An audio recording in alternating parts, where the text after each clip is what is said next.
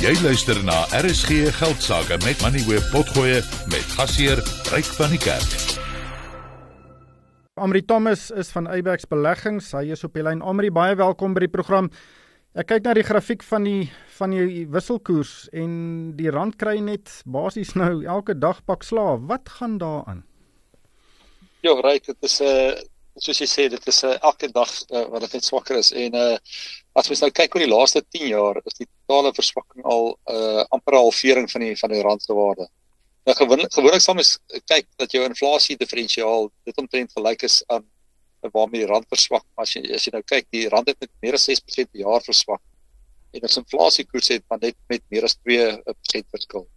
So ek dink wat ons nou sien is internasionale markte wat redelik negatief raak op uh, Suid-Afrika se se fiskale posisie. Ehm uh, ek dink ons begroting het hulle nie uh, baie gerus gestel nie. Ehm um, en uh, ek dink ook die verkiesings uh, onsekerheid ehm um, maak die maak die markte baie ehm um, uh, uh, uh, uh, bekommerd. Ehm um, so ek dink hierdie onsekerheid kan nog voortduur tot tot na die verkiesing en mens sal moet sien wat die uitslag van die verkiesing is en uh, watter alliansie die ANC vorm. Uh, ek dink as daar 'n vierde alliansie gevorm word, uh, kan daar verdere druk op ons geld in wees.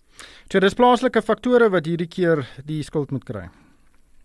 Absoluut reg. Ehm uh, ek ek dink as jy kyk na die eh uh, finansies minister na die begroting ehm um, wat hy basies erken het dit is moeilik om jou fiskale en monetêre te besluit te bestuur in 'n uh, 'n 'n sekere politieke omgewing. So ek dink daar is 'n uh, sekere vereistes uh, wat gestel word van 'n politieke kant ehm um, wat uh, die mark bekommerd maak dat daar daar inmenging plaasvind.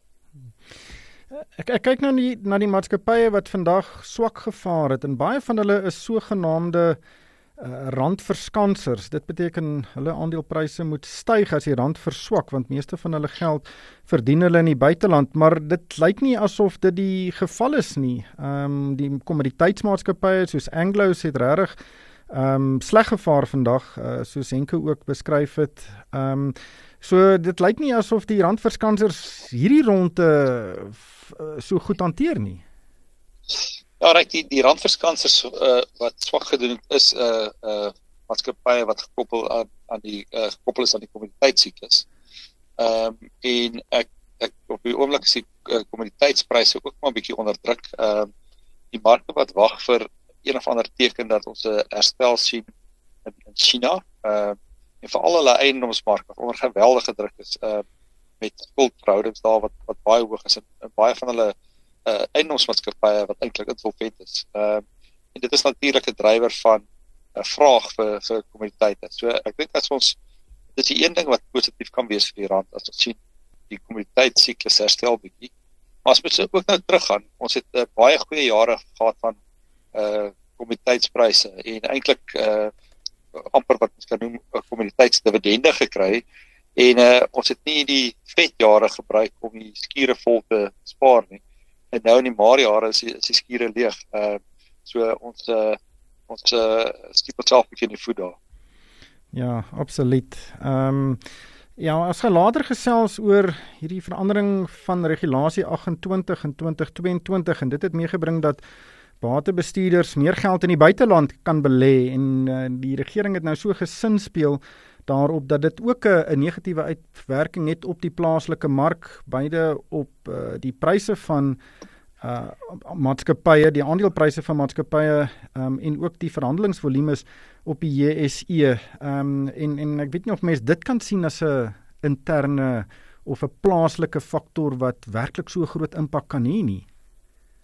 Ja, reik, ons ons siening is dit dit 'n uh, dit het 'n geweldige impak gehad. Uh, ons sien dit in in die vloeye in in ons fondse. Ehm um, en uh, ek dink dit is geen voetfout van die regering. Hulle praat van om uh, interne investering aan te moedig, maar daai ehm um, skuif het het geweldige uitvoer uit Suid-Afrika veroorsaak. Nou van 'n beleggersoogpunt af is dit is dit natuurlik goed want jy het jou geld geskuif en jy jou portefeulje is meer gediversifiseer. Ehm um, en jy jy trek voordeel uit die uit die rand verswak.